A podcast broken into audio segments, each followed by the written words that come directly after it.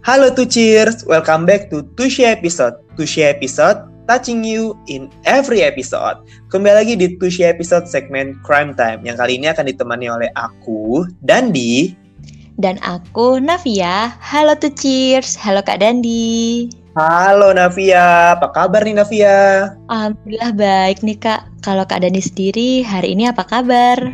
Alhamdulillah baik juga. Nah, BTW ini tuh cheers. Navia ini merupakan salah satu ambasador Touche. Keren banget gak sih? Hebat. Nah, Navia, kan ini kan merupakan debut kamu nih ya di podcast. Boleh nggak nih share dikit perasaan kamu gimana? Duh, perasaan aku seneng banget sih kak. Excited parah sih.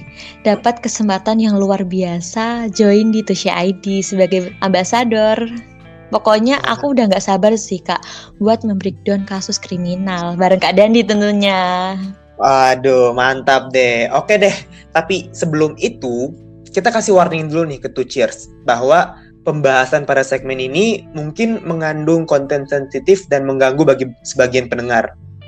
Wah, berarti Two Cheers perlu siapin diri dulu ya kak untuk dengerin Crime Time ini. Yap, betul banget. Dan kita juga perlu persiapan untuk membawakan konten ini supaya less disturbing and less sensitive. Setuju banget Kak Dandi. Emang kasus yang bakal kita omongin di segmen ini apa sih Kak? Oke Cheers dan Navia. Kasus yang bakal kita bahas kali ini adalah kasus fetis kain jarik. Navia tahu nggak sih kasusnya gimana? Oh, kasus itu. Ya, ya, ya, ya tahu dikit-dikit sih kak. Soalnya kan pernah trending di Twitter di IG gitu kan. Yang ini bukan sih kak. Ada cowok yang sering minta-mintain foto orang yang dibungkus-bungkus kain gitu. Bener gak sih kak?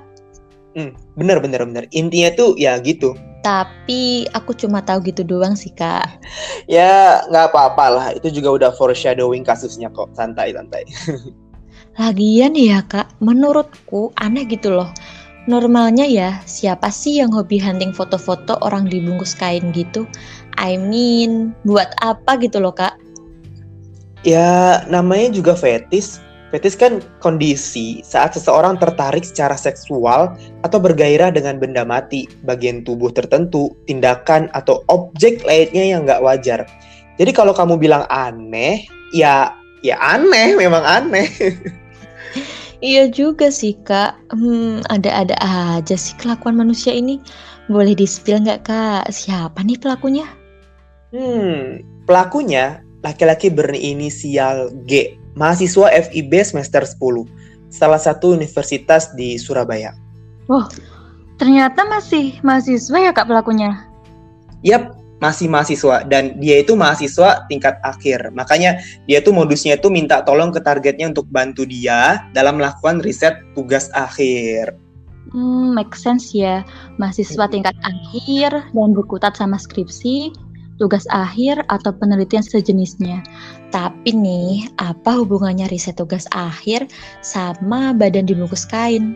Aku masih belum nangkep sih kak, riset apa yang dia jadikan alibi itu. Hmm, si G ini meminta targetnya tuh untuk membungkus diri dengan lakban dan kain jarik. Bungkus yang bener-bener dibungkus gitu loh, sampai wajahnya juga ditutupi. Dia beralasan ingin meneliti reaksi yang ditimbulkan dari tindakan tersebut. Hah? Dibungkus semuanya gitu kak? Apa nggak sesak nafas tuh orang dibungkus sampai ke mukanya? Terus-terus gimana tuh kak? Targetnya mau atau nolak? Hmm, kalau dibilang sesak ya ya pasti sesak dong secara dibungkus keseluruhannya. Makanya beberapa targetnya itu contohnya si MF ini yang nge kasus ini pertama kali awalnya tuh nolak untuk kebungkus dirinya sesuai permintaan G. Tapi karena si G ini memohon dan memelas, akhirnya MF luluh juga deh dan dilakuin deh tuh sesuai kemauan G. Duh, gitu ya kak. Lalu selama dibungkus itu ada dokumentasinya dan dikirim ke G gitu nggak kak?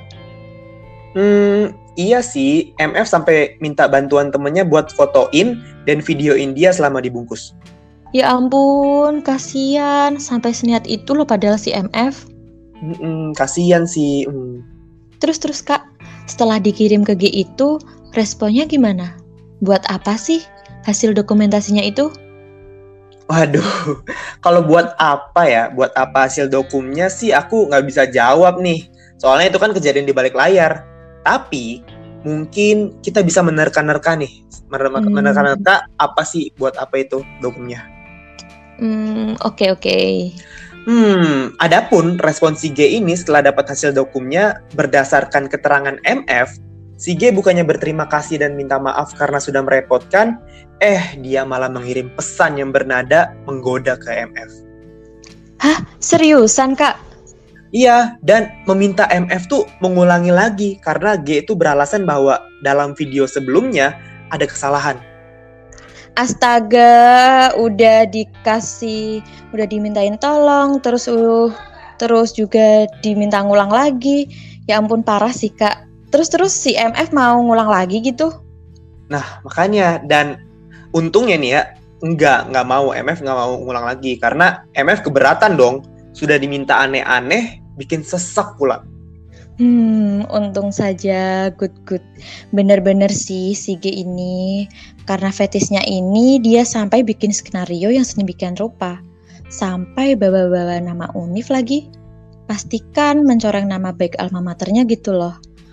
Udah gitu dia minta orang lain ngelakuin sesuatu yang bisa membahayakan nyawanya. Kan bahaya ya kak kalau sampai targetnya itu kenapa-napa. Betul sekali.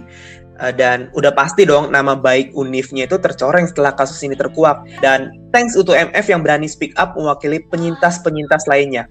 Makanya kasusnya si G ini bukan ranah etika lagi, melainkan ranah pidana, yakni pelecehan seksual. Wait a second. Mewakili penyintas-penyintas lainnya. Jadi MF bukan satu-satunya ya kak?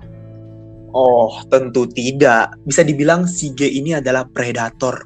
Berdasarkan data yang dihimpun oleh BEM FIB, unitnya si G, ada beberapa penyintas yang melapor, tapi ya nggak bisa disebutkan lah identitasnya. Penyintas G yang melapor, mayoritas adalah sesama mahasiswa univ tersebut. Namun, ada pula mahasiswa dari univ lain. Berdasarkan keterangan Presiden BEM FIB, G ini memang sudah kerap menjadi perhatian warga sekitar tempat tinggalnya karena kelakuannya. G bahkan pernah diarak warga sekeliling kampung di Gubeng, Surabaya. Walaupun penyebabnya tidak diketahui sih, tapi kalau seseorang sudah sampai diberi hukuman sosial semacam itu, ya kita bisa ukur lah ya kira-kira kelakuan apa yang dilakukan oleh si G. Duh, parah, parah, parah. Udah penyintasnya lebih dari satu. Terus pernah diarak warga keliling kampung gitu ya, Kak? Aduh, nggak tahu lagi Makanya. sih. Iya, dan ya pokoknya bisa diukur lah ya dan ki- dikira-kira kelakuan apa sih yang dilakukan oleh si G seperti itu. Oke, oke, back to the case, Kak. Motifnya ini benar-benar karena fetis gitu. Bukan karena motif lainnya. Siapa tahu ada urusan personal atau mau dicuanin gitu? Hmm, yang terungkap oleh kepolisian sih fetis dan dari keterangan BEM juga fetis. Jadi motifnya itu ya pure fetis. Oke, oke. Jadi pure fetis ya, Kak. Hmm, Dan kenapa sih orang ada orang yang berfetis kayak gini, Kak? Maksudku nih, ada juga kan orang-orang yang punya fetis. Tapi nggak sampai begini loh. Aku jadi penasaran nih, Kak. Apa sih yang si G ini pikirkan ketika melihat orang yang dibungkus kain gitu? Hmm, sabar Naf, sabar Naf. Aku aku sama nih penasarannya nih sama kamu. Jadi sabar sabar. Jadi Kak, penasaran banget. Ayo Kak, ada dijawab. Hmm, jangan aku deh, jangan aku deh. Aku kutip aja ya dari psikolog UGM Profesor Kuncoro. Beliau menilai bahwa pelaku tampak menikmati atau berfantasi seksual dengan orang-orang yang dalam bayangannya tuh sedang dalam keadaan tak berdaya. Oh, let me get straight. Jadi si G ini berfantasi seksual dengan melihat orang berbungkus kain jadi karena dia karena bagi dia itu orang yang berbungkus kain itu dalam keadaan tidak berdaya, which is interesting for him gitu kak. Yap, that's right. Hmm, alright, alright. Terakhir nih kak, maaf nih banyak nanya. nggak apa-apa, san, san, san. Malu bertanya sesat di jalan. Kebanyakan nanya ya, ya nggak jalan-jalan dong. ya iya kak, gimana mau nanya toh nanya mulu. Lagian kak, masih PPKM juga sih masa jalan-jalan. Nggak ada yang ngajakin jalan juga sih. Aduh, fokus, fokus, fokus. Malah ngomongin jalan lagi. Aduh. Oke. maaf, maaf. Back to the case ya kak. Penyintasnya kan lebih dari satu tuh. penyintasnya itu apakah ada kriteria khusus gitu kak? Atau mereka merupakan circle dari G itu sendiri? Atau si G ini milihnya random gitu kak? Hmm, nggak ada keterangan lebih lanjut sih mengenai itu. Tapi kalau kita lihat dari si MF tadi, kayaknya dia random aja deh. Soalnya MF bilang kalau dia itu sudah di follow G sejak setahun yang lalu. Tapi nggak ada interaksi sama sekali interaksinya tuh cuma terjadi ketika si G minta tolong buat risetnya itu tadi. Duh, makin ngeri deh kak. Soalnya milihnya random gitu loh. Artinya kan siapa pun berpeluang jadi penyintas. Termasuk aku, Kak Dandi, dan tucis lainnya nih. Ya, betul banget. Makanya nih kita perlu waspada selalu terhadap siapa pun yang kita kenal di media sosial, terutama stranger. Setuju banget Kak Dandi. Nah, bisa dengan caranya tuh jaga privasi kita di medsos dan jangan ragu untuk blok akun-akun yang mencurigakan gitu Kak atau terindikasi dengan hal porno atau seksual harassment. Dan juga nih Kak, dan tuh cheers, karena siapa pun bisa jadi penyintas terlepas dari umur dan gendernya, penting nih bagi kita untuk berorientasi melindungi penyintas. Jangan pernah salahkan penyintas. Catat nih ya. Misalnya dengan kata-kata, kamu sih enggak hati-hati. Atau, ya itu mah kecerobohan kamu sendiri. Hmm, atau makanya jangan begini. Atau makanya jangan begitu. Itu benar juga sih kak. Pokoknya jangan ya tuh cheers. Bagaimanapun juga, segala tindakan pelecehan seksual, berkedok apa pun itu, tidak dapat ditolerir setuju, sedelapan, sesembilan, bahkan seseratus sama kamu. Penting banget nih untuk dicatat tuh, tuh Cheers, apa yang disampaikan oleh Navia tadi. Kita catat bersama ya tuh Cheers. Dan catatan tersebut sekaligus mengakhiri segmen Crime Time kita hari ini.